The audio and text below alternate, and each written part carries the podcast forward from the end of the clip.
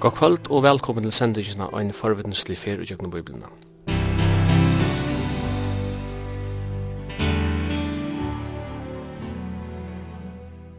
Henda sending er at høyre lindene kvørst mykje kvöld klokka 19 og hun vil endersend frutjata 17 part klokka 15.30.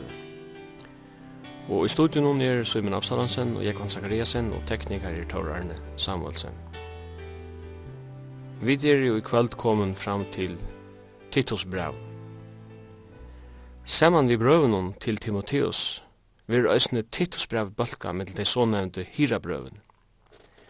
Saman bera vi Titus og Timoteus, så sutja vi at tar høyde nekt til felags. Bæi var der unger samverska menn tja apostelen Paulus.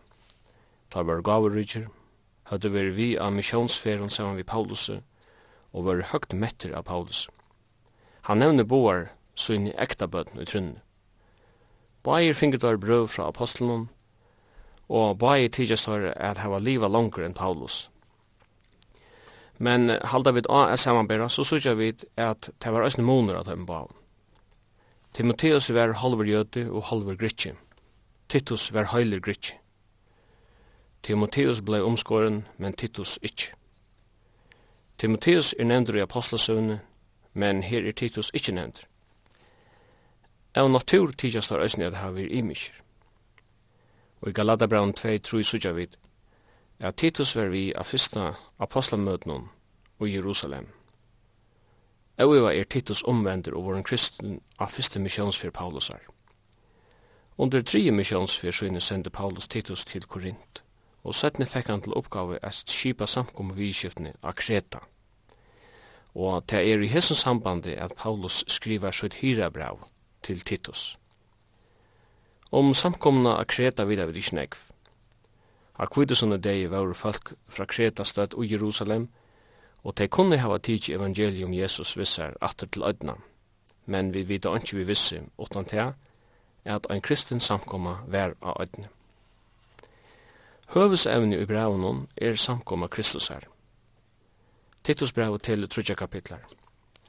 Og i fyrsta kapitli omtalar Paulus tei krøv og i ein samkom her i at oppfylla. Ein ørgrunna av løysingarorden vera nevnt i hesson kapitli om hvordan ein her i vera og ikkje eier vera. Og i øren kapitli legger apostelen dent at det heilne med lærerne. Det er vi i øren åren ikkje løyga mykje hvordan fralæran er ui enn samkommet.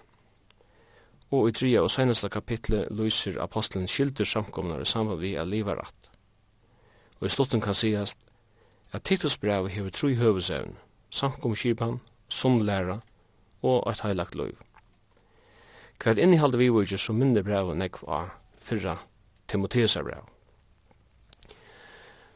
Og jeg kan, jeg kunne hoksa meg lagt fyrir vi a sige at uh, det kan virka sindur underligt at uh, eit brev i Nødja Testamentet blir navn i ein mann som annars er så anonymer i Nødja Testamentet. Det kan tidsjes løy at han er ikke nevntur så ofta, men han tidsi seg vera en maver som kanskje er nok så anonymer, men korsene fer utrolig nek bors ur at han fyrir kulissene, så å si. Og som du sier, så, så er han omgående nevntur, Titus er omgående nevntur i apostasøvene. Men allukka så vidar vi, tar vi tidsje etter hinne brøvene, han ferreist vi Paulus nek, og han har brukt nek av Paulus. Paulus nevner han 13 ferir i prøvene. Og, og det er ikke løyde til man samarbeid her vi andre nøvn som, som vi har nevnt. Så vi synes at her var ekkert nekk saman. Nuttje fyr er hans tretta fyr er han nevnt i Øren Korinthbrev. Så særlig her er han, hever han sånn tuttning. og han er nevnt i i Øren Korinthbrev i 8-9 særlig vi vujkjande gaven som var samla senda til, eller vera sendt til Jerusalem, og Titus hever avbyrdna av tog gavene at han kommer til Jerusalem. Vi vet da fra Galaterbrevn 3.2 at uh, Titus var en gritje, så han kom av, av, av en øren, ja, en ære mentan enn kanskje en jøte kom.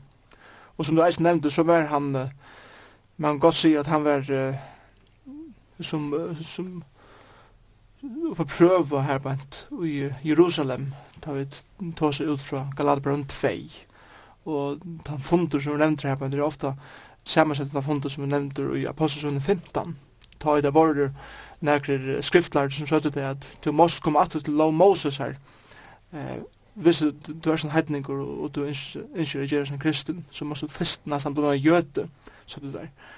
Og, og Paulus setter greit fram at det skal ikke være så. En gritje, som Titus, som han er visser, Han er, han er, er gong bant til eh, kom i samfunnet vi god utan affære jøkken til jødiske ritualene. Og han funderen faktisk var den første såkallet kyrkje og sankum og funderen av Haksa Søye i kyrkje og sankum og søvende. Og her ble det nemlig avgjørst som kom og avgjørst resten av sankum og kyrkje søvende at ein gritje som, som seter sitt alle Jesus Kristus tørvar ikkje hon tørvar ikkje at gjera sånn jøte fyrst. Hon tørvar ikkje at omskjerast, og så videre. Og, og det er hei, og medelig sånn tøytning, eisne og idé. Vi vet eisne at uh, at Titus må ha vært en uh, ekvelia områdende personer til at Paulus uh, setter han etter her og Kreta, øyne. Og han hever grundarna sankum her, og han byr Titus vera etter, og få skil på eldskapen og innsida eldstar, og få skil på læslina og strukturen og i sankumene. Så vi vet at ta og i vid hitje etter hessen som så anonyma mann, så, så agents han er nekvun von imeskun, og er sterskun og god kvaliteten som er mever, eier agents av. Ta i hitje etter Timotheus, så så er det mynte som er fag av honom til til at han var en sterskur maver, han var en akrydne maver, og han var en ekvelig vilje gods maver, alltid åpen å hjelpe, alltid åpen at, at henne. Eit som er avhavers vi tittar seg eisen til at han ser ut til at vi er maver som dodde vel at arbeid som vi gjør. Han, han ferdes vi Paulusen, han, Paulus er han etter og kreta til at arbeid som vi falt seg her, Så, og, og tar var også om at han fekk hesa hesa her futjali vidskiften í sina hendur eisen viser at hann var ein avlydande maver sum han kunnu fullkomna lyda á Så som du sier, han var han er ikke nek nevntur, han er omgang nevntur i apostelsøvne. Han virker kanskje anonymer, men en maver som virkelig er loyaler, og han er avbyrdarfutler, han er avgryten, sterskur, og han er villig at, at tjena gode, og eisne tjena samgjøren. Og Så det var en fantastisk med som Paulus har funnet, og som han leit til trygg for Jesus Kristus.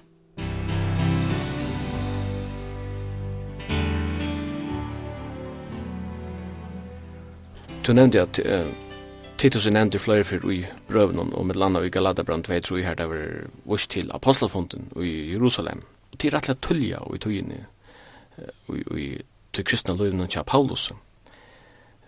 Og vi var vel æren Timotheus i blivin omvendt. Og senaste fer vi Titus er nevntir er i 17. Timotheus brev 4 tutsch. Her det stender at uh, han får til Dalmatien som et hva det er skilt er til nuverande Jugoslavien. Og det brevet er det sista som Paulus skriver jo ganske om år tjeje trus.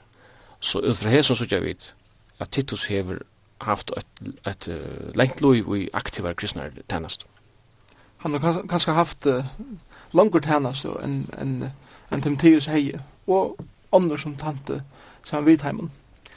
Hvis vi, hvis vi tega til lømmes uh, Galaterbrev 2 og samanberet her vi fundet som var i, i Jerusalem, det var omlai år 94 etter Krist, omlai år 94. Og hvis han hever så veri frelst for åren til, så det kanskje veri åren 4, eller, eller hva det så veri. Så sier jeg omlai år 48, Og vi sier at uh, Paulus døye, eller var, var dripen, omlai og er tjeje trus, åtte trus. Og annan Timotheus er brev er skriva kanskje korst og æren han var avratt av Så her er det tøyerskap på, på 20 år her bænt, fra år omlai 48 til år omlai 8 trus. Og her skriver Paulus at ta foran til Dalmatia. Det vil si samme som kanskje her han haft eh, flere år atana Paulus er, er avratt avrattavur det vet vi så ikke.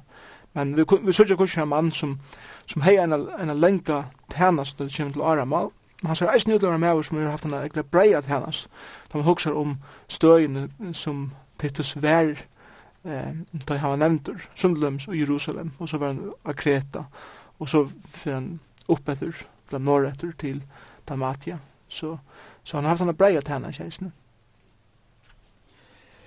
Hvis vi samanlokna Titusbrev, vi Timotheusbrev, så sørger vi at Titusbrev lykkes særlig fyrre Timotheusbrev, og det er ganske skriva om som tog. Ja, det var skriva jo om, omlai, omlai som tog. Anker heldur at, at uh, fyrre Timotheusbrev var skriva nok så kjøtt at han av Paulus var leisladen, og, og Titus kost 18 teater. Og han skriva til samkomna som Timotheus var ui, som Ivar Lest var Efesus, og så har han skrivet til samkomna som Titus var ui, som, som er vidar fra Titusbranden var av Kreta, av Øytene, Kreta.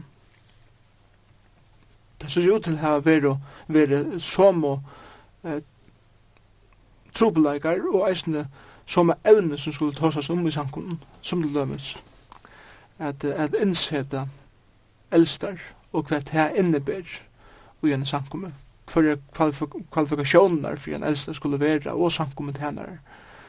Han tar sig om att häva en heilnämma och sunna läror i samkommet i bavom brøvene. Han tar seg eisne om eh, loten og tænasen til kvinnene i samkomne i, i bavom brøvene. Og han tar seg om at halda seg til et godsøttande loiv bei og og utanfyrir samkomne vetsinnar i bavom brøvene og han helsar bæði Timotheus og Tittese som sunni egne bøtten og i trunne i bahan brøvene. Så vi så ikke ekkert nega løykheiter i middelen brøvene, men skriva er til tver imiske situasjoner av tveimann imiskon støvun.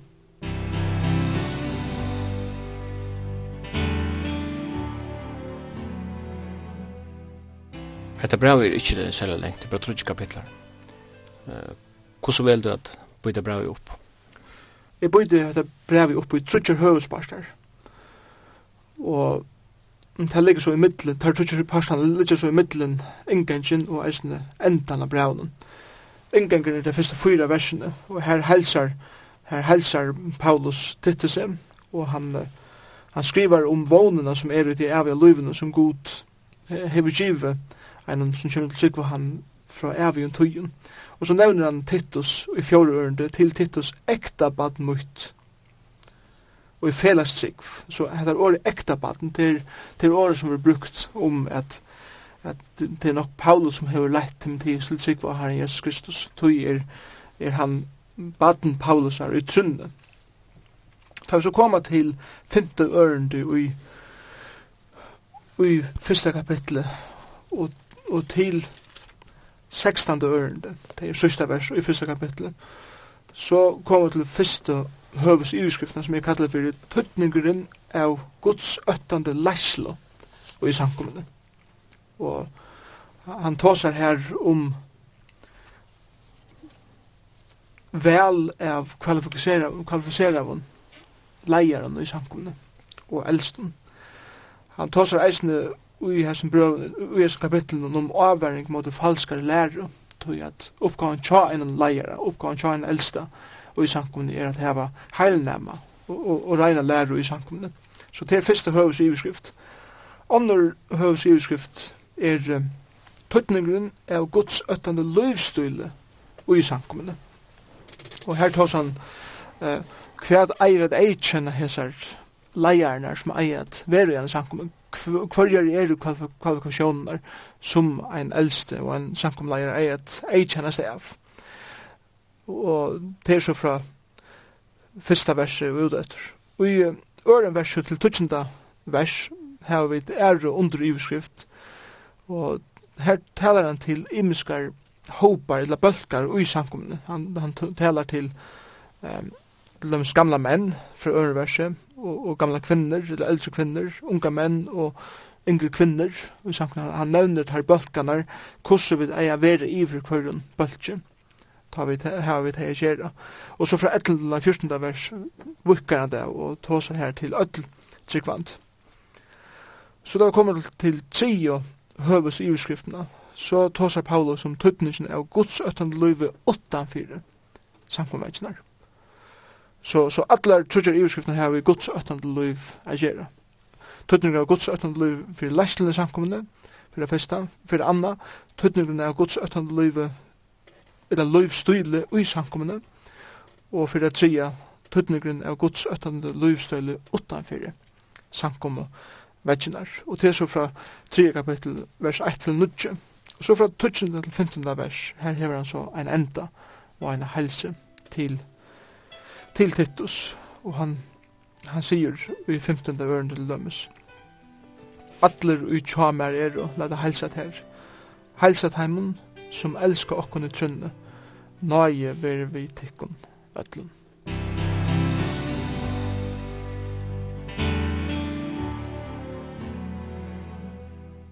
Hvis vi tidsjo i fyrsta kapittel og vers 12, så stender det et sjalsamt vers her, stender mitt landa. Paulus sier, ein, tar ein av tar egne profeten hefur sagt, kretingar eru alltid lignarar, óargadur, letibukar. Hesen vittnesbor er sannur. Sjálfsamt að lesa det her, uh, det kan tøye på at uh, mentanen av ødne kreta hever vært mest av uh, av vissun avdiktun, kan man sija. Vi vita i det at det er som mentaner i heimnum som er uh, regulære arbeidsmentaner folk er nesten arbeidsnarkomaner, men uh, dovenskaper er kjenner andre folkesløm. Her får man en avbending om at det var nek av kreta som, som var rettelig avdomlet, og som ikke var sambarlet vi evangeliet.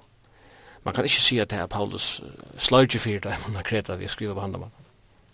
Paulus han er fullkomlig ærlig og usynne usynne metan av hva det er for folk som Titus tæner i middelen Og det er ikke områdende at, at kjenne at han hukkbor som folk hever, at han tjener enn folk. Og ta i Paulus ved verja av Kreta og kanskje se meg vid Titus. Så er han fernast det at han hever observeret at han hever egleit folk og hva det er for folk, hvordan det er og hvordan det er at, at arbeid sammen vi og så videre. Og han han minner Timotheus så her, bare at Timotheus, du måste, du måste kjenne folk som du arbeider med dem. Så ja, det bedre du kjenner folk, det är mer at du veist om deg, det bedre kan du nå deg, og mer effektiv kan du være ut tjänsten. Og han, han, ja, ja, som du sier, han, han kallar kredanar, og han siterar en av tæra ekno, eh, profeten, eller søveskrivaren, eller hva man skal kalla det. Eh, og han kallar det fyrir liknarar, avagadur og letebukar. Jeg leser anker er sann at, at folk fra Kreta var kjent er snuita eisne, og, og de var, de var særlig kjent for å snuita folk som eisne dodde å snuita ånder. Så de hadde en, en, en, en, en særlig mentan at det kom, det kom til at, at snuita og om det som hever vært ved leggen, eller, eller, eller om det er som han sier til, det han kallar det for overga dyr, det er videre vi ikke. Og letebukar. Så her har vi denne mentan som, som ikke er en arbeidsmentan, men som er meira avslappa mentan, og, og som er fyrir langre enn det, som hever ikke tøyma et arbeid. Og tøy hever det kanskje vært ekkert ringt, eller torfer, tja, tja Paulus, ja finna, kvalifiserar er eldstar at leia henne samkomme og, og han skriver her til Timotheus som er finna til røtte personer og gjerne slukar mentan.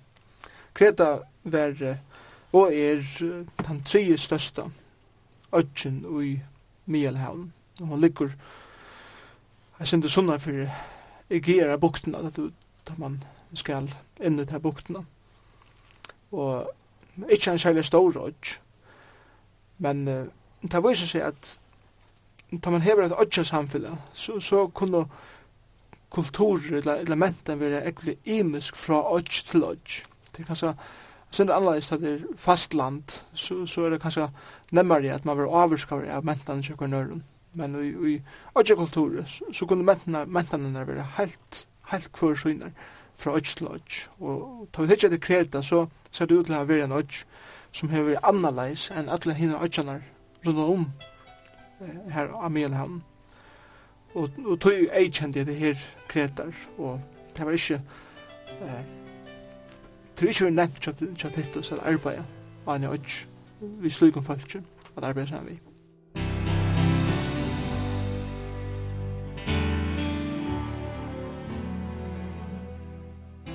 Da man hikker etter hver krøv i Paulus etter til en eldstøyne samkommer, så er det rettelig strong, og Onkel kan fröstas la säga som så, ja, men hade här är nästan fullkommen gröv, och ingen av åkning fullkommen.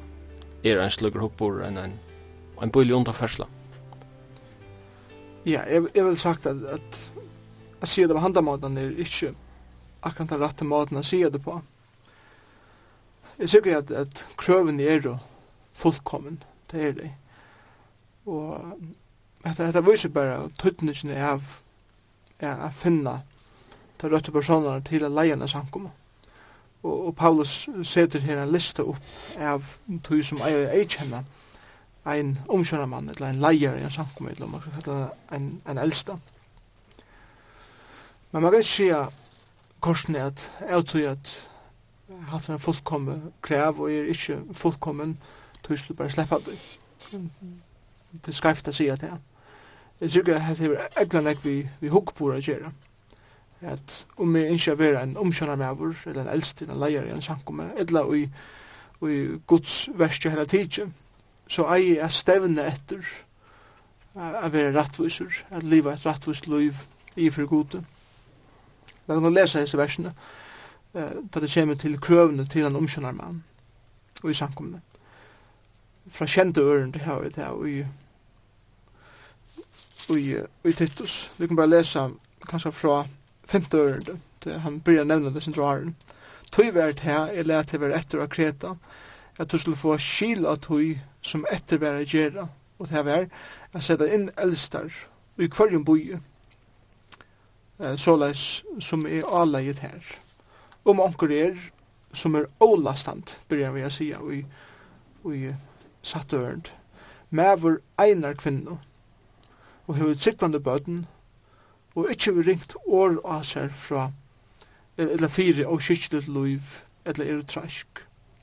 Tøy omkjønna maur skal være ålastande som hushaldare gods, ikkje sjålgåver, ikkje illfører, ikkje drikkjemaver, ikkje bardemaver, ikkje gjerner etter ljóden vinnitje, men gesta gestabløyer, elskande i gåa, høveskur, rattvisur, heilavur, frahaldand, ein eller fast vi truar det år etter lærerne, for han kan være før for bæg at amena vi hinn hin heilum lærer og at teppa teg som sia i måten.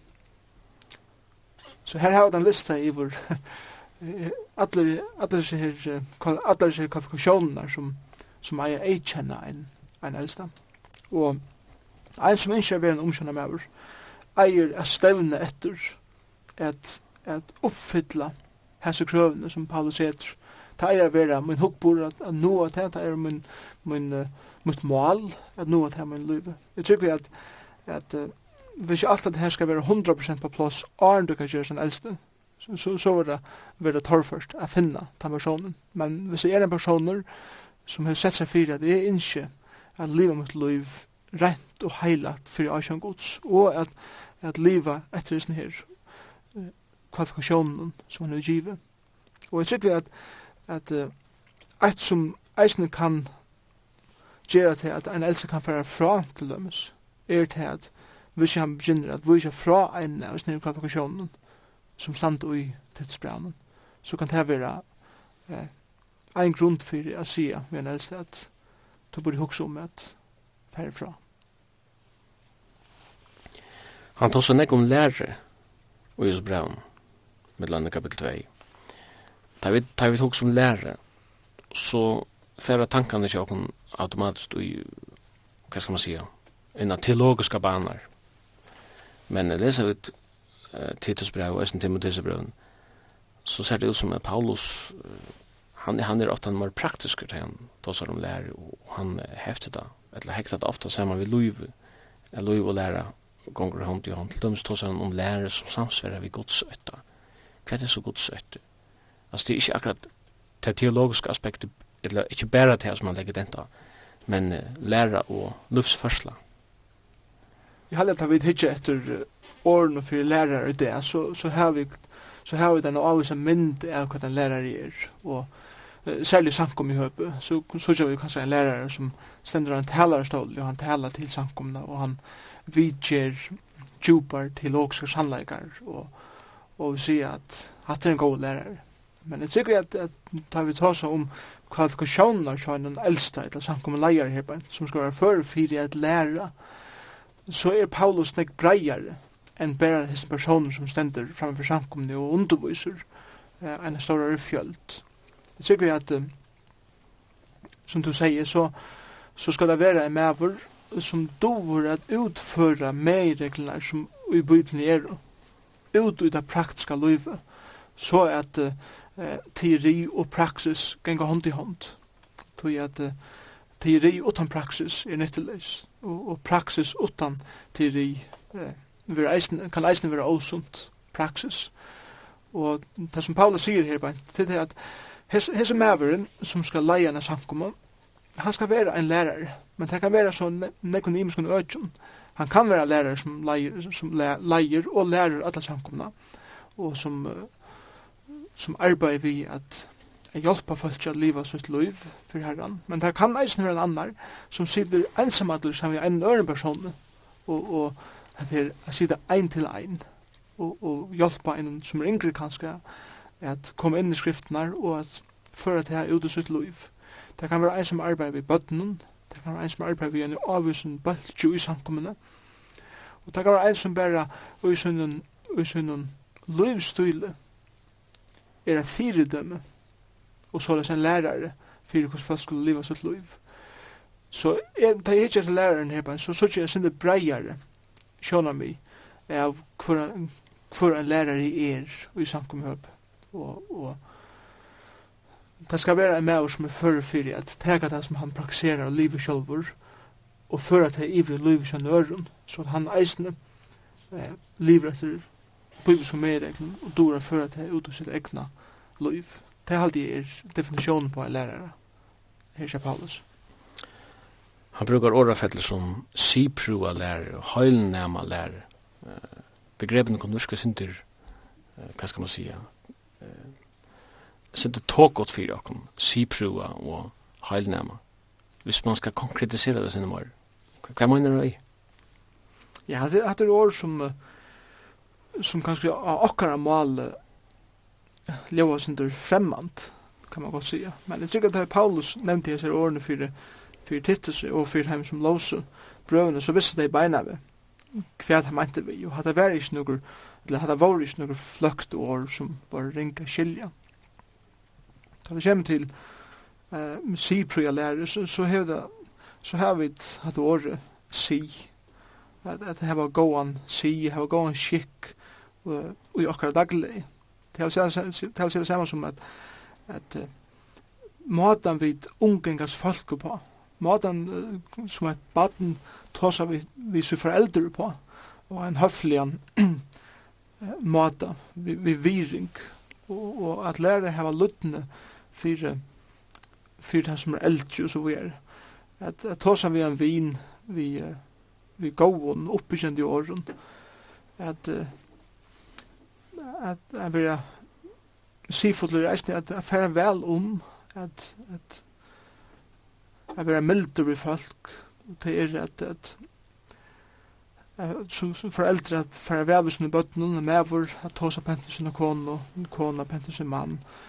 Og så vi er heil, heil nøm læra eller heil heil og læra, læra det er meira vi, vi morala gjerra kanskje at min hugsanarháttur er reinur yfir falki at uh, min hugsanarháttur er ikkje dolkaver av uh, pornografiskun hugsanon ella ta man er sema vi en kvinne at man man hoksar skrivar hoksaner og til Paulus nevner nemlig det her ui øren kapittel 1 da han tosar om unga menn som er sema vi unga kvinnen at hoksa i reinleik og hoksa om det þær som som sina systrar og ikki hugsa við nekrar seksuella troan og så videre, når man er sammen vi, vi yngre kvinner som ikkje er uh, ens ekna kona til dømes. Og det er uh, Guds øttande livsstyler her tidsje, at det som jeg gjør, det som jeg sier, skal æra Guds navn, og det skal ikke dreie Guds navn jokken du ikke. Så, så hette er, hette er år som, som reka alt bæg om en gjerun og eis om en hoksanen, da det kommer til å leve rent.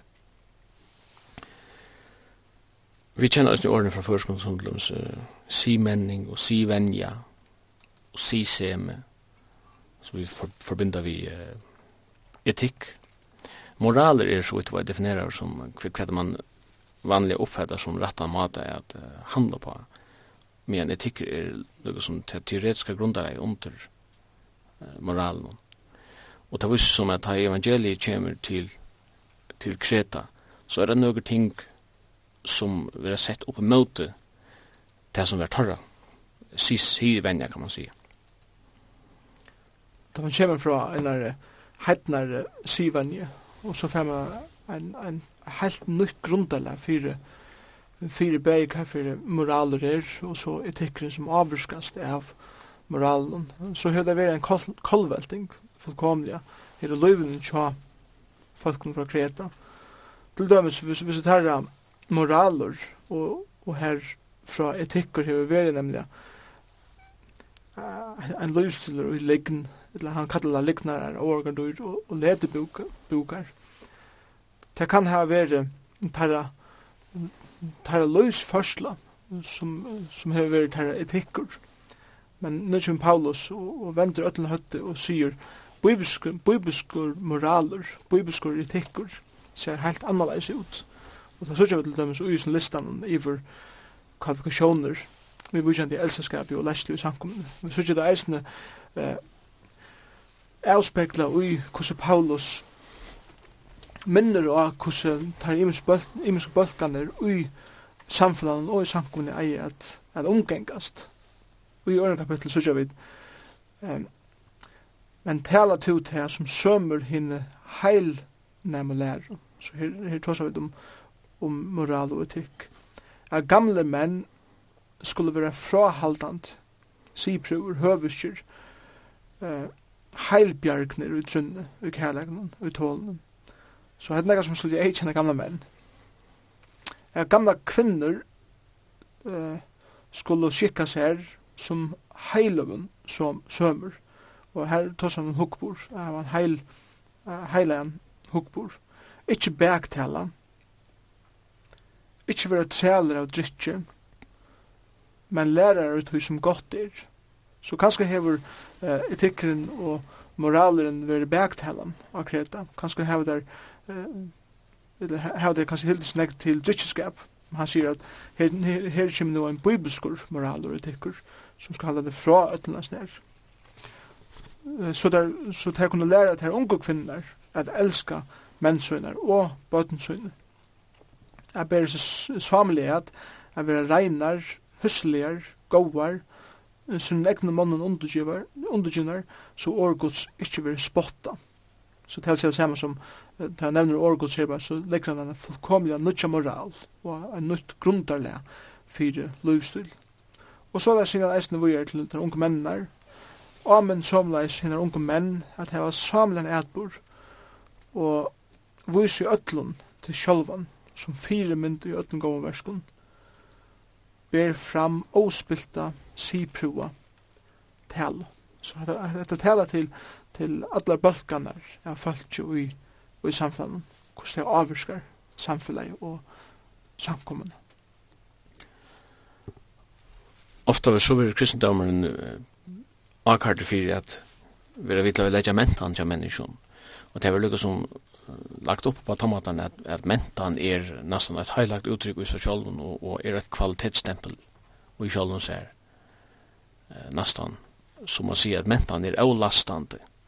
Men vi kommer sjutton om til at, at evangeliet om Jesus Kristus det kan se det seg opp i møte i menneskene som finnes i mentan rundt om. Heimen ja, det er ikke nøyve. Det er ikke nøyve om det. Jeg tror at året og god lea seg ikke etter mentan.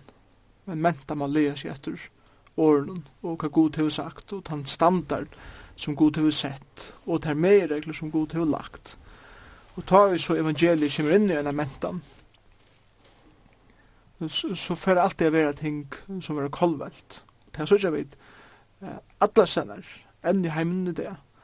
Og tar vi tås om mentaner som, eh, kan man säga, eller som folk ville sagt, ikke hever forstyrreier Vi, vi, vi så nek tusender av åren, og så koma tro på åren inn og i imiska mentaner og, og vera til være skurter av mongen at øya tar egne mentan. Men her, her skilja folk ikke at det som tro på åren gjerra at det kom inn i mentan er til at de, de litte de seg ur i mongum føran, en og rundutje som de er ui, og en utrolig vonløse og meningsløse som de, som de lever ui.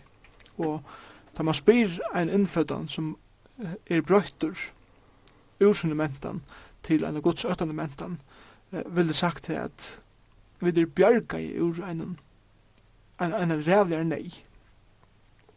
Og ta vi det, eh, Ta vi hugsa om at vi fer inn i mentaner og vi lærer folk at lesa, vi lærer det å skriva, vi geva dem et, et mål, eh, skriva et mål, vi hjelpa dem og vi eh, at utbygga deg, at bruka sitt land, at gjera bruka til som gjøren eh, og sjekkver eller, eller ajenar, eller luften, djever, at læra deg at eh, at bruka medisiner at at hjelpa dem å leva langur at kunna få det av et hospital til det er sjuk så at de arne som de liva kunna økjast.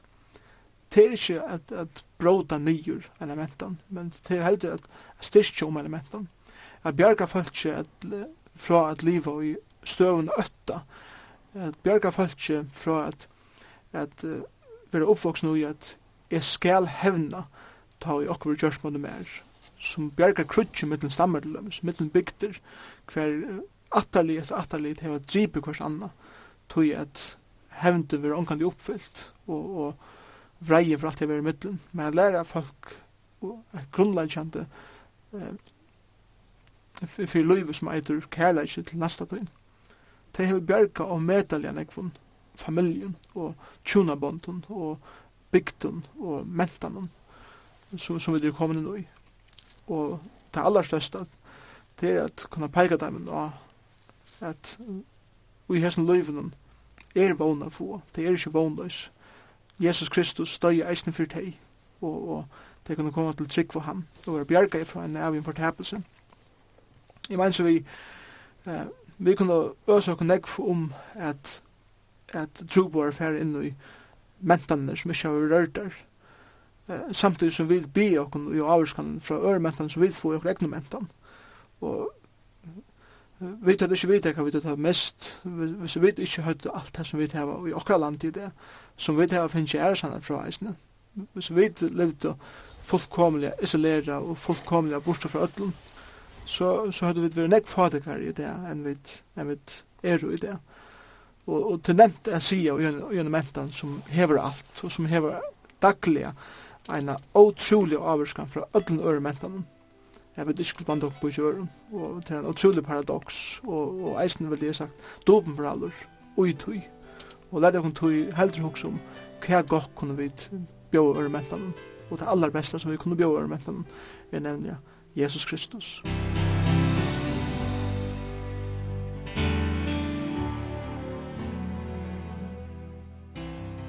Jeg kan anker hva definera mentan som Alt anfall, som hun sier, mentan er lik vi venner. Det som venner gjør, til mentan. Og det er ganske en rymlig god definisjon. Hvis vi tenker først mentan, så kan hun si at de medvanar, eh, kjerspekjøt og rastefisker til en parster av mentan, og det er mal vi tåsa til en parster av mentan. Sjåan hadde teg i en ødjaland, og en ødj som kreta øyne søyna mentan som vi er nevnt i Titusbreven. Men da Jesus sendte lærersvennerne ut, så sier han vitt her at etter det som de sitter fire til kom, er alltid man hever godt dømme om å respektere henne menta. Jeg tror at det er medelig område er at respektere en menta som vi kommer roi. Og det er ikke det samme som jeg skal gå til alt det som er, som er skreift i mentan. Men det er det samme det kommer til mat sier eller da det kommer til sier vi kjenner hva man drekker, eller sier vi kjenner hvordan man oppfører seg, hvordan man tåser ved en person, hvordan man helser på en person, og så videre. Så er det områdende kjønn tro på det, er skilja tarra eknomentan. Vi tar en ekve dømer på eh, tro på som kan komme ui en mentan, som er annerledes enn tar det ekna, og, og kanskje gjøre okkur som er heilt vi synar av at gjøre, som slett ikke vil gjørst ut i mentan. Til dømes bare fra følgen av, og så, og så affæra nye til, nye til, bare til Ångland, så stort, så, så hever du eh, imiskar avskåner om hvordan imiskar gjerast, til dømes. Og i Ångland, her, først ikke ur skånen, til det kommer inn til folk, verið verandi i skånen.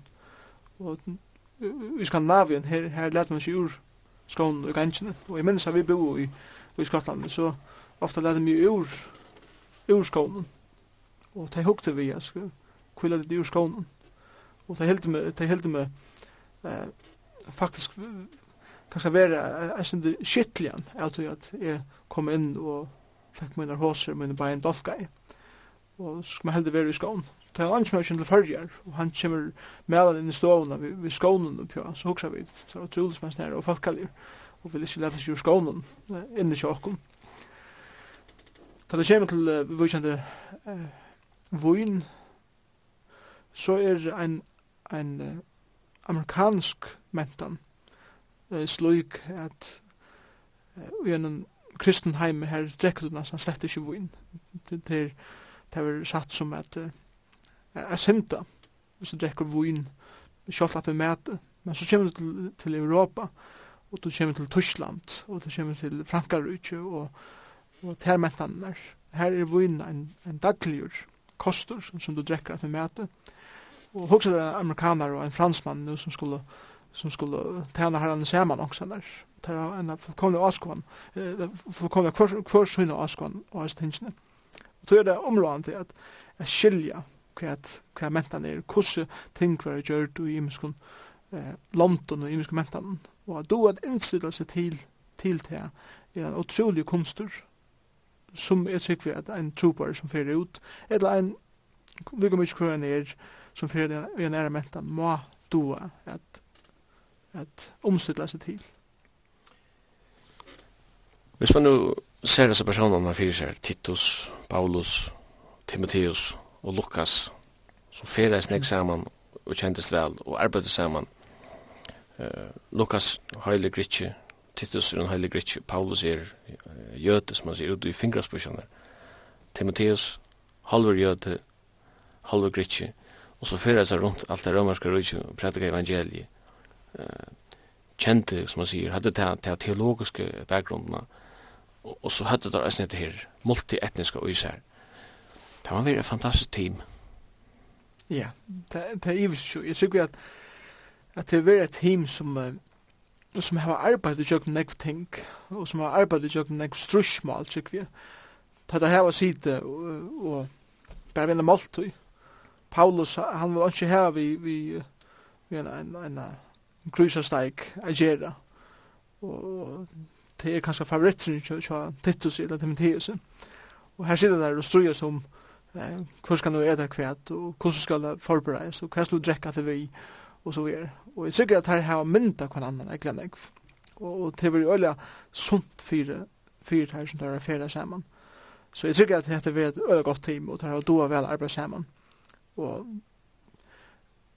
da man huksar om, om teamarbeid, så tycker jag vi kan kanske lära några mer regler från bröven och i skriften kvar hver er du a lia sett hver nøren, og hver er du a godta hver annan, og eisen du at sier vi hver annan, at det er ikke halda at det som vi kommer til er rett. Og vi har legga mer regler her som vi kunne læra, og i okkar timarbeid, eisen, og i imiske mentan, og i det.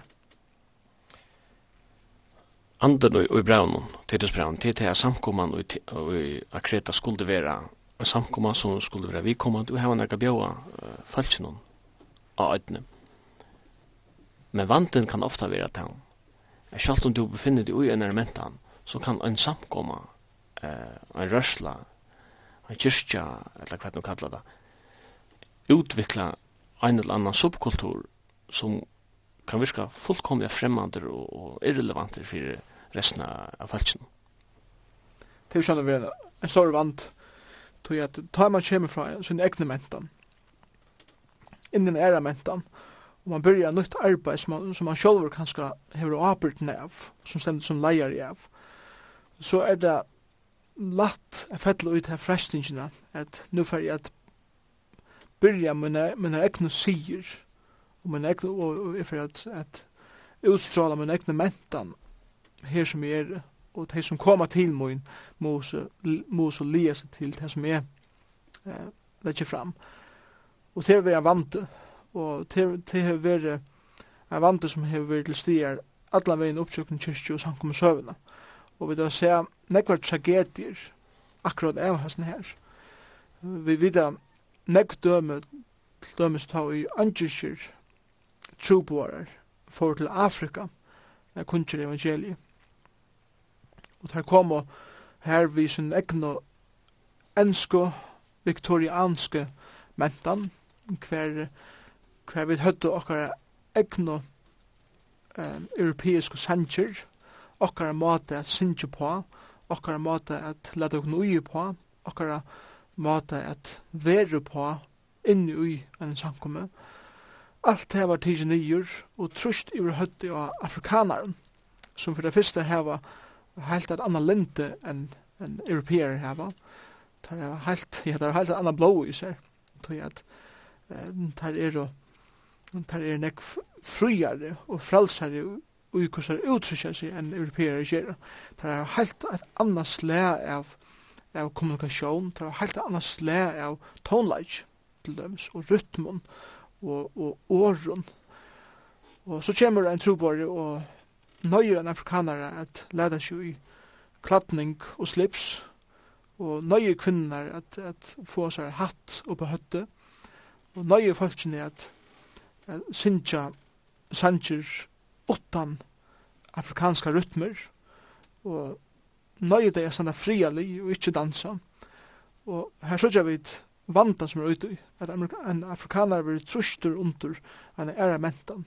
Så det ikkje får uttrykt seg at han har som god til å skapte deg og som god ikkje teislig uttrykt seg og sin tilbyan til god og, og, og til betur så, så ser man ikke nekker sånn her langere i det. Selv om man ser det enn, så, så, så ikke folk mer og mer at til dømes enn afrikanere må slippe at utforske seg mer enn en europeer gjør. Jeg slipper at dansa mer, eller hoppa mer, eller råpa mer, eller jeg vil lattare i uiladen, eller hva det som skal være. Men man virer til. Og tar jeg en sank samkomma vi så grunda i nere mentan, så må jeg først og fremst spyrja hvordan er mentan som jeg lever i, og jeg undergjør med hese mentan. Og la meg kvalificera til korsene. Det er ikke det samme som at vil godtaka eh, sint og, og sier som er sintafotler i nære mentan. Her kommer bøyden inn og sier at sint må ikke eksistere. og det må rensast her som sint er. Men det er nek som er amoralst og, og ikke omoralst og, og det må vi eisne li okkur til og få som best på sjur så at vi kunne nå at her folk som bor i tøymentene som vi færa til. Og jeg tykker at Paulus har lært Titus til. Og han er oppvandret ut som han færes ved Paulus fra mentan til mentan.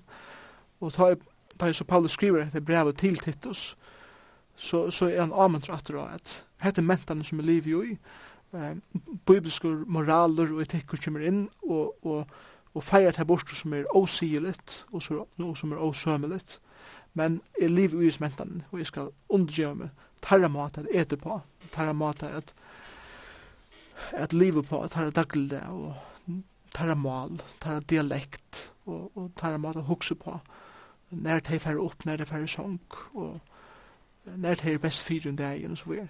Det, det eier han at undergjøre seg, og og tykker det at dutt igjen vel å gjøre eisen. Det som du nevner her, det minner meg syndrom, uh, Hudson Taylor. Han fyrir Kina, så arbeidde han sammen med en enskon missionsfellesskapet. Men, men han tømte ikke engang i enskon klæven. Så en av bestemmer han seg at fære inn ut i innere Kina og leta seg ui som kinesere. Og fullkomlig at, at prøve at identifisere seg vi til kinesiske folk og ta fattlan i øvnøy til missionsfellesskapet. Jeg tror at til Det er nemlig tog at misjonsfellesskaper som sender henne ut eh, skilt til ikke hva det er som Taylor levde jo i. Og det nevnte å være flere tusen kilometer borster og sier at så skal det være. Og, og ångan har opplivet mentene. Og det var nemlig en av grunden for at Hudson Taylor eh, fattelig ånøyer vi misjonsfellesskapen. Men jeg tykker vi at da man hikker søvelig etter Hudson Taylor og Øren, som dodde at innliva seg i mentene som det var i. Så har tar haft nek større avvurskan og heva, eller østelig tar arbeid hever enn en veldig avvurskan og at det er som mentene det er til at her dutt at suttja at jeg underkjøm hese mentene. lukka mykje hva heimafronteren sier, eller ikke. Og, og tog er det området i det, og i misjonsfellesskapen, at de som er heima, Og her hugsi om bæg missionsfellesskaper, men her hugsi eisen om, om samkommer og en lesli i samkommer. Uh, til områdande er for ut av vitja trobarner, her som tar er, og ikke bare skriva brøv eller e-mail eller senda dem penninga gaver og så vore og, og be for dem, men er færre ut, suttja hvordan de liva, hvordan de arbeida, hva det er for folk de arbeida i middelen, hvordan mentan er, hvordan de kongskjalaman, fyrir at, at skilje betur, tarra takle tarra løyvstyl og tarra omstøver, så det kan fære heimater og luta vi samkomne etla missionsfellesskapen at såleis er det utkjødam, såleis liva deg, hetta gjerra deg, og hetta mentan som liva i, så at vi kunne ha et bedre forståelse bo av vei Du nevnte ønskmennar at er som gjør det trobor arbeid i Afrika, at det er ikke alltid klarer å liva opp til det her, at, at eh, integrera sig i mentan. Det samma hände ju ofta i, Ki nej, i Indien. England har ju stora i Indien. Og innanfor förblev Mahatma Gandhi spurt hva er den største fudgenden til kristendomen Så svär han alltid til det kristne. Ja, det var et utrolig vust svær som han, som han gav. Gandhi het, han er utrolig viring fyrir kristendommen, og han er utrolig viring fyrir, fyrir selja Jesus, og han han er en utrolig viring for fjallaprætikene særlig. Og han sier nemlig, en, en æresanner, at, at uh, var det ikke for kristen, så har jeg kanskje blivit vært blivende kristen. Og at det er vel sagt, men uh, at det at det var medelige hjertet skjerant.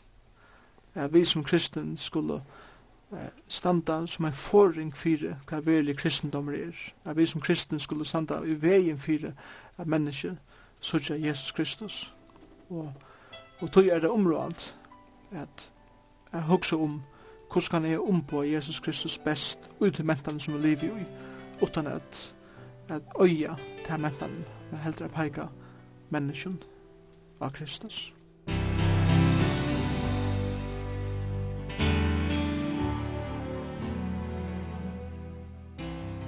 Og i sin imiske brøven under Bibelen er ofte en særlig vers som, som uh, folk mer eller mindre tager til sin, og, og det blir nærsagt som Jimsteiner. Og et av den versen er i Titusbrevn 2.11, her stender Tøy nøye gods er åpenbæra ötlun menneskjon til frelse, og hon vener okkon opp at eunokta godløysi og hinnar veraldarlige gyrndir og liva samanlige rattvist og godelig og i heimenon som nu er. Men vi vant eina sæle vevn og åpenbering dårdar hins større gods og frelsara okkara, Jesu Krist. Her tåsar han om, om nøyina som venir menneskje opp. Vi genga ofta han rundt og heva til oppfædan at her at til lov og lovaren er disiplin som venir okkara. Her sier han faktisk at til nøyina som venir okkara. Ja, hese versen er, er helt fantastisk. Etlenda til 14. versen. La meg lese 14. versen som gav seg sjåan fyrir okkun at løysa okkun ur öll lovløyse og rensa seg sjåan oknarfolk ui til gau versk. Og etter øyla avhver så sutja eh, hvordan han flatta saman nage som oppvenner okkun er vi bjerga fra lov løyse til å seg saman som vi skulle halda okkun til okra lov og vi er bjerga fra hans nere ikkje halda lovna men samtidig er vera ui, er vera ui til go versk. Så vi sykja det her flatta saman. Og jeg tykker at um, grunnleggen under ötlun er nøye. Og, og jeg tykker at tess bedre vi skilja nagina, tess meira vi utliva nagina okra luive, tess meira eh, tess meira for at fylgja ta med fire fyrskipan og ta med loven som god sett. Og, og vi er skilja kan nøye vi er vi bjerga i fra lovløys det er at venda, venda seg mot det som loven sier og vi er bjerga til å gjera gåversk. Begge i gamle sementi og nødvendig sementi er, er lov grunda av nøye. Det er tutsi bøyne og alt det som god gav og i gamle sementi er grunda av at god bjerga i ursvarsfelsi ut av Egyptaland. Og han sier at av til det er bjerga dikken, livet såles, saman við mer, halde lov mina. Så at motivasjonen at gjera gåversk, motivasjonen at, at uh, tæna gode og at liva etter lov hans herra, være grunn av at hette det som god vi gjør for meg, tog jeg ikke at gjøre det som han ikke meg gjøre. Som er nødvendig som et, Jesus Kristus døy for synder menneskjans. Og han sier grunn av hans nøyene, for jeg har givet dere, jeg har bjerget dere, jeg har frelst dere fra næren fortapelse så gjør vi til hesa lovuna, som heter lov Kristus, er livet etter, hesa medregler som er grunder av bæg i gamla sementi og eisen nødja sementi. Hetta gjør vi til livet etter.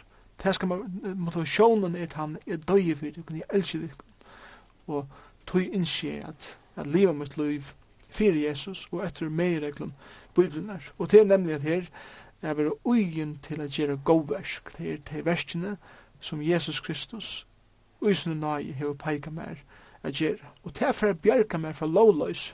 Det er at, at vende meg fra eh, lovene og eisen at røyne livet et liv utan lov. Ongen kan livet et liv utan nekra meiregler. Ongen kan spela en dist utan at heva sylinjer og at heva 16 meter, 5 meter og straffefelt og, og så videre. Tog at om onga stryker våre, eller om onga linjer våre, så har jeg ikke skil ved jeg fotballsystemet og, og tøy er det at vi god til å gi okkur rammar, hette rammarna som jeg vil til for det egna besta, liv inne for det her, så skal genga slik vel, og det liv av landet, ved landen er det som god sier. Og, og det er grunta som han sier her, av nøye gods. Men han sier her at nøyen er åpenbæra, og det ligger i åren åpenbæring av nøyen må være mysterium, altså løndarmann. Annars kan han ikke annars, annars kan han ikkje flatta åre oppenbering på i nøyen. Ja, det er ikke nøye om at nøye er noe som, som er oppenbera. Om, om god valdi a å fjæle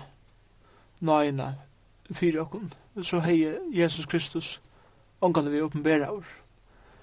Men oppenbering som han tåsar seg om herbant, det er til at Gud har vist kærleikasen til menneske og i hesen at han sender sån som til gjerrar, at dødja fyrir mennesker av krossen og såles vær hesen kærleikin og henda nøyen åpenbera til er at vi så nega eh, som vi ikkje høyde se var det skivi ok og det var nevnt det at God gav okkur sin egna son, Jesus Kristus. Og, og til ta nøyen som er åpenbæra menneskene.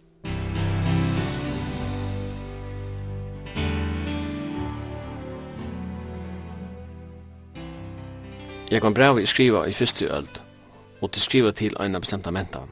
Uh, så kan vi spyr okkur sjálf, er det relevant ut det, altså er samkommer reglene, eller fyrirskipanar, eller krøvene seg til samkommer tænare. Hva sier bibeltolkingen til det? Bibeltolkingen sier først og fremst at vi må skilja hva den opprunnelige høvendren sier vi opprunnelige leseren, eller høyreren. Det er det samme som om vi skulle gjøre det vidkommende i det, og om det skal være vidkommende i det, så må vi først og fremst skilje hva det er som er sagt opprunalige. Og tog er det oppgaven til å ha en bibellærer at trakka ur 21. alder skånen inn i ta tøyene og ta mentene som hette skriver i. Og så her og i Titus er det så første øld etter Krist. Tess meire jeg veit om folk fra Kreta, tess meire kjenner til Kreta, Titus brev, tess meir kjenner til Titus og hva hans arbeid er, tess meir kjenner til åra nuslo og åra vel som Paulus brukte til dømes ui kvalifikasjonen om eldstar, eller til eldstar og omkjønna menn og så videre. Tess meir er skilje om eh, om malar eller av malar hvordan Paulus uttrykt til dømes eh, tænastna og loten som kvinnene i samkomne. Eh, det er speter for jeg doer at gjør det vi kommer til, til åkken i det. Men det er ikke nivå om at år gods er livande og til nyttelig til lærdom, til samføring og rettlegging og oppfostrande rettvis. Det er ikke nivå om det. Og det har vært nyttelig til alle tøyer. Det har vært vi kommer til alle tøyer av alle støven og i alle vierskiften og, og tøy kan eg taka et her brev inn i okkara mentan, inn i mine situasjon, inn i okkara samkommer i kyrkjur og det, og sier at dette kan vi bruka. Til dømes, uh, vi heva við vi heva samkommerleisle som er grunda av Nudja testamentet, som er grunda av det her uh, mer som er lagtar i Nudja testamentet, som sjåvande er uh, nekva utviklegar og som er farnar i nekva imiska ratningar i jöknus så 2000 årene som vi liva ui. Uh, Ta det kommer til uh, kvalifikationer til omkjønna menn, eller læslina, eller elsaskapene i en samkomme, så fylgja vi enn hese meireglun, er at ein, ein forstreit, eller forstreiter,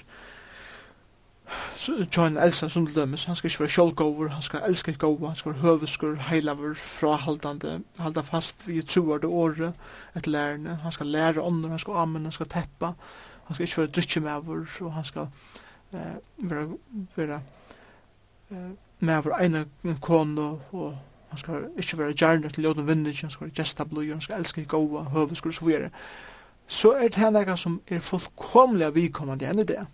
Ein som, som skal leie en samkomme og det er må eisen i eikjennens av sånn her tog at skriften legger til mer regler nyer.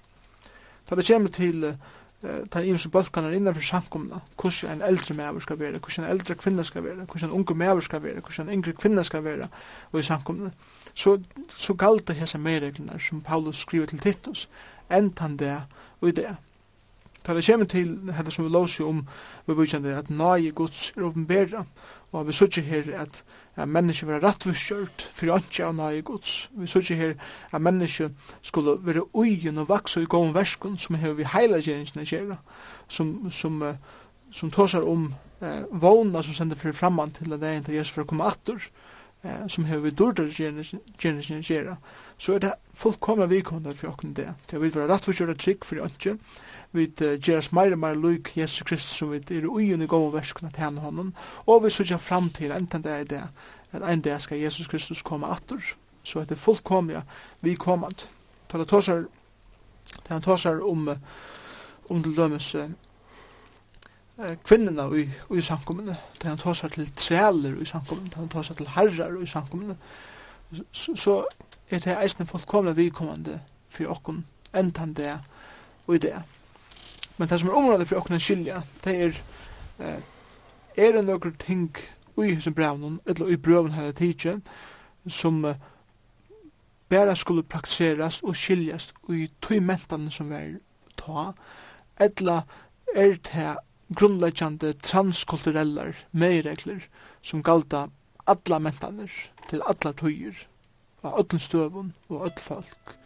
Og det er nemlig her som, som hegni og kunstneren, kunstneren tja eh, biblaren liggur og her som avbjørnsen eisen liggur. Eh, hvordan det her og fyrir det ivor og i okkar mentan og i det.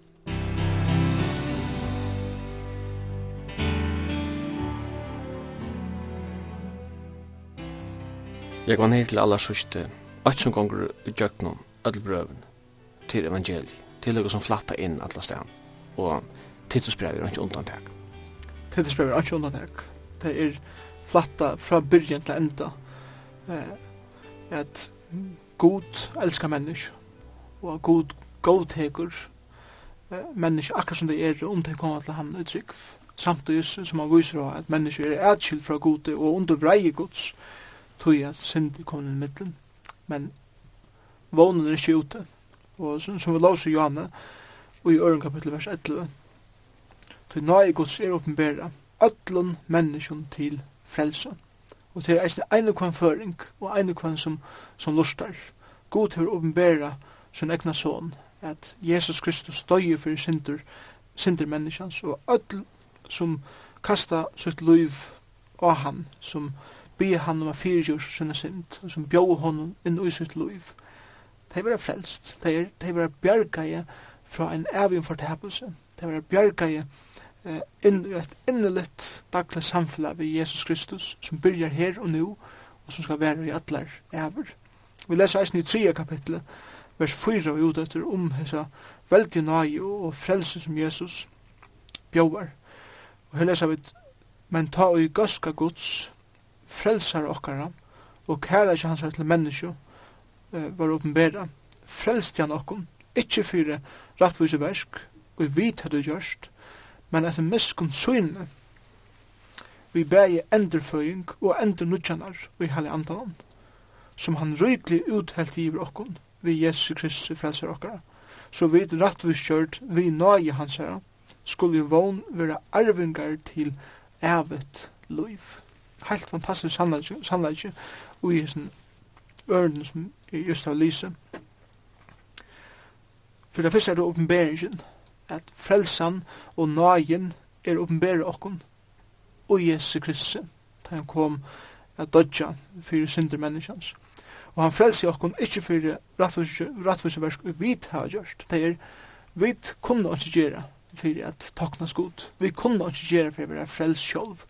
eh, frelsan er ikkje grunda av versk, nega som er gjer, men til et, til et miskun syne, som bæg endurfører okkun og endur nudjar okkun i heilandan, til det samme som eh, om vi teker motors gavn som Jesus Kristus bjóvar, som er grunda av hans miskun og kærleika, eh, som ikke kostar okkun, men som kostar i honus, sitt egna liv av krossen. Det endur fyrir okkur, det er vi vera født av nudjum, vi får nytt liv, vi får et liv som vi gode, og endur nudjar okkur i heilig andan, det er at han giver okkur heilig andan, han er uthelt heilig andan iver okkur, så vi kvann det kunne være endur nudgjar i, være styrst, kunne være fyllt av heilig andan gods, er liv okkur liv eh, til ære for Jesus Kristus, som heilig andan eh, gir okkur styrst til at, at liva. Og så sier han, så, så vidt rettforskjørt vi nøy hans her skulle i vogn være arvingar til evet liv. Og her, her sier han bæg til nu tøy at jeg er en arvingar, jeg har finnes evet liv, men vognen er eisen til at i atler ever skal jeg ha et evet liv saman vi god, jeg skal være saman vi god i atler ever. Og så endar vi å sige, det er troverst år, og om hetta vil jeg at du skal vittna vi kraft, så det som er kommet til trygg av god, kunne leggja seg etter at gjera gåversk. Hetta er menneskjen godt og gagnlet. Det er det samme som det meir er skilje eh, kærlega gods, det meir skilje hver frelsan er som jeg har finnst, det meir er skilje eh, heile andan og kraftena som uimar bor, god sjolvor, hefur tikki bústa og mer. Tess meira er glei meg til og skilje vona som búja meg fyrir framman tess meira fyrir til at suttjast ui munum dagliga løyve, tess meira góversk fyrir at praksera, tess meira fyrir at elska andre mennesk, tess meira fyrir at at lota mitt liv for mina tøy, mina orsk og mina okner vi øre menneskjum, tøy at, som han sier, hette er menneskjum godt og eisne gaglet. Jeg finnes jo alt, tøy innskje eisne djeva god i alt møtt, og at hans er kærleikje kan avspeglas og jøkne med ut til andre mennesker.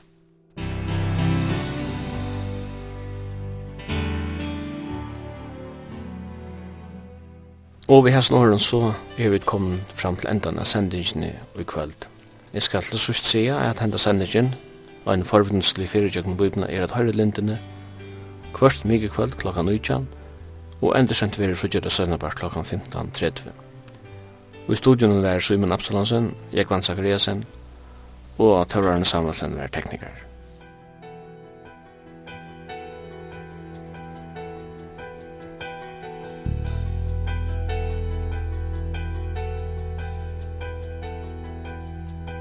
When he rolls up his sleeves, he ain't just putting on the Ritz. There is thunder in his footsteps and lightning in his fist.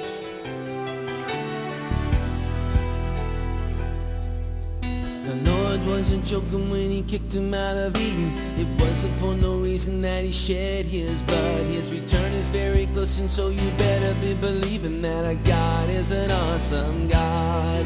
Our God is an awesome God. He reigns from heaven above with wisdom, power and love. Our God is an awesome God.